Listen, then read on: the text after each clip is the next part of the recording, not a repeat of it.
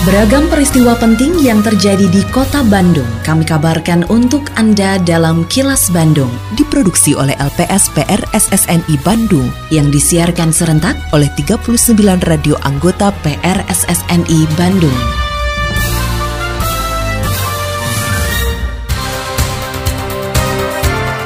Sejumlah informasi aktual kami hadirkan untuk Anda dan inilah informasi utamanya. Wali Kota apresiasi kolaborasi pihak swasta bantu sektor pendidikan. DPRD evaluasi kinerja tahunan pemerintah Kota Bandung. Siswa diupayakan tetap mendapatkan pendidikan meski tersangkut masalah. Saya Yudi Dirgantara inilah kilas Bandung selengkapnya.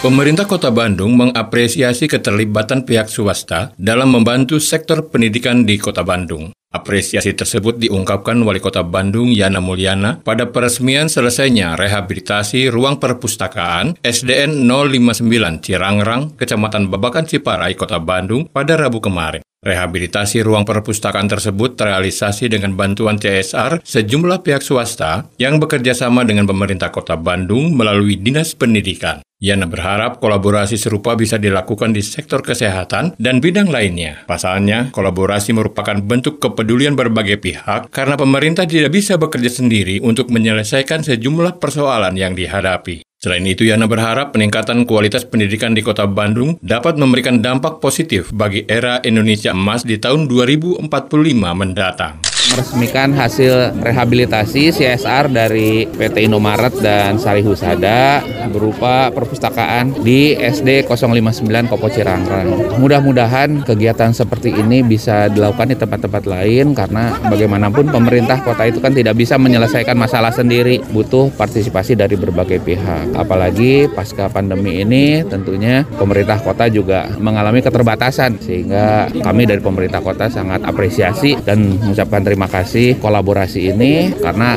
kami tetap punya keyakinan dari dunia pendidikan yang baik akan lahir sumber daya manusia yang tentunya juga insya Allah baik.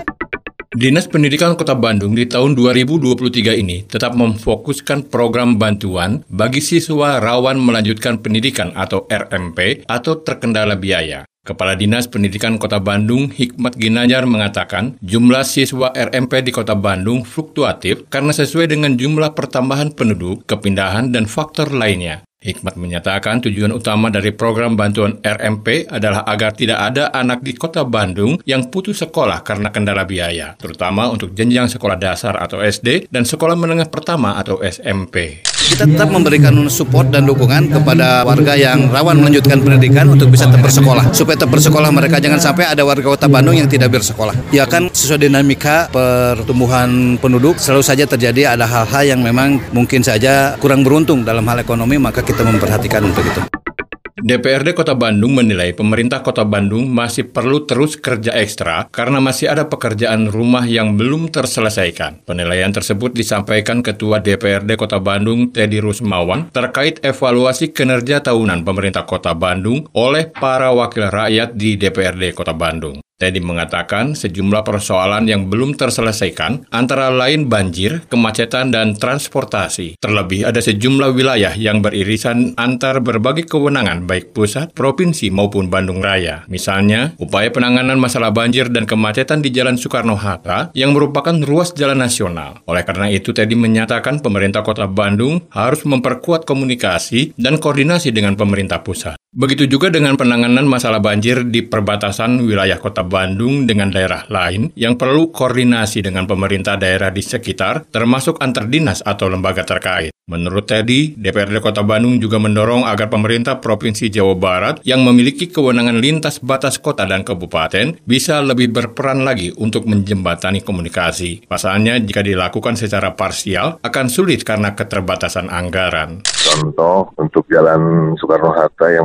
sering banjir gitu ya dari mulai Pasir Koja, Lewi Panjang, Muhammad Toha sampai ke Gede Bage itu kan jalannya jalan pusat sehingga ya otomatis gitu kita terbatas penanganannya. Ya mau tidak mau harus memperkuat komunikasi dengan pusat. Jadi koordinasi komunikasi ini jadi kata kunci penanganan satu banjir Cilencang yang menaun. Juga batas-batas kota gitu kan, ada beberapa di perbatasan-perbatasan itu. Misalkan yang Cipaduyut, kemudian terkait dengan yang di utaranya, maka harus sudah komunikasi koordinasi dengan Kabupaten Bandung, dengan KPB, dan kita pun ya mendorong gitu agar provinsi yang memiliki kewenangan antar lintas batas kota kabupaten ini bisa lebih berperan lagi gitu untuk menjabatani komunikasi ya termasuk juga masalah sampah gitu kita ngomong dengan Bandung Barat itu kan nanti akan ke Rudolf Nangka itu kan perlu komunikasi-komunikasi juga.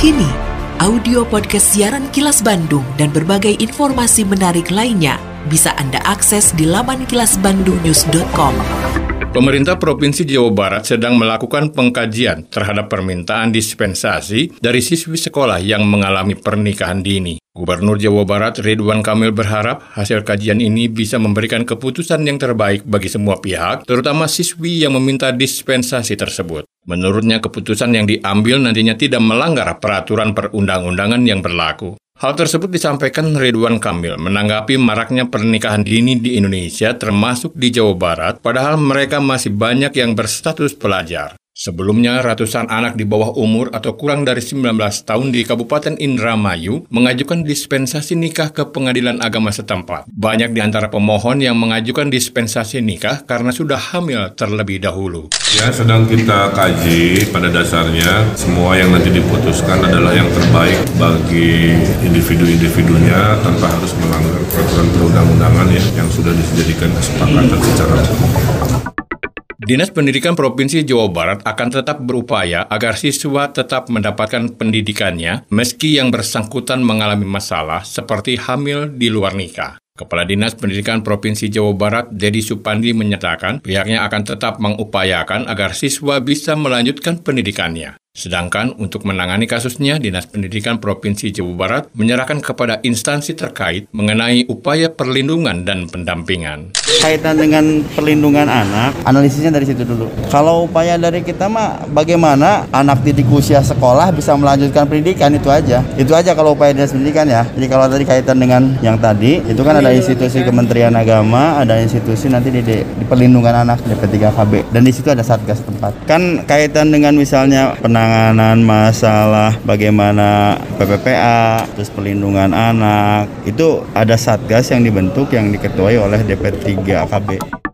PT Kereta Api Indonesia Daop 2 Bandung mengoperasikan dua kereta api tambahan untuk mengantisipasi meningkatnya minat masyarakat menggunakan moda transportasi kereta api menjelang libur panjang Tahun Baru Imlek pada Minggu 22 Januari 2023. Manajer Humas PT KAI Daop 2 Bandung, Mahendro Trangbawono mengatakan, kedua kereta api tambahan tersebut melayani perjalanan stasiun Kiara Condong menuju Gambir serta stasiun Bandung ke Purwokerto. Menurut Mahendro, pada periode libur tahun baru Imlek mulai 19 hingga 25 Januari 2023, pihaknya mengoperasikan 153 perjalanan kereta api jarak jauh dengan kapasitas mencapai 80.152 tempat duduk. Jelang libur Imlek yang jatuh pada tanggal 22 Januari nanti, PT KAI Daob 2 Bandung akan mengoperasikan dua kereta api tambahan yakni kereta api Argo Parayangan relasi Kera Condong Gambir serta KA Baturaden Express relasi Bandung Purwokerto. Pada periode 19 sampai 25 Januari nanti, secara total PT KAI Daob 2 Bandung akan mengoperasikan 153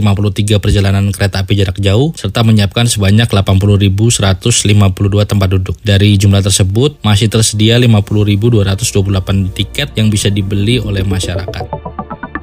Lindungi diri dari COVID-19 dengan selalu memakai masker saat beraktivitas dan berinteraksi. Tetap patuhi protokol kesehatan untuk mencegah penularan virus corona karena pandemi belum usai. Terima kasih Anda telah menyimak kilas Bandung yang diproduksi oleh LPSPR SSNI Bandung.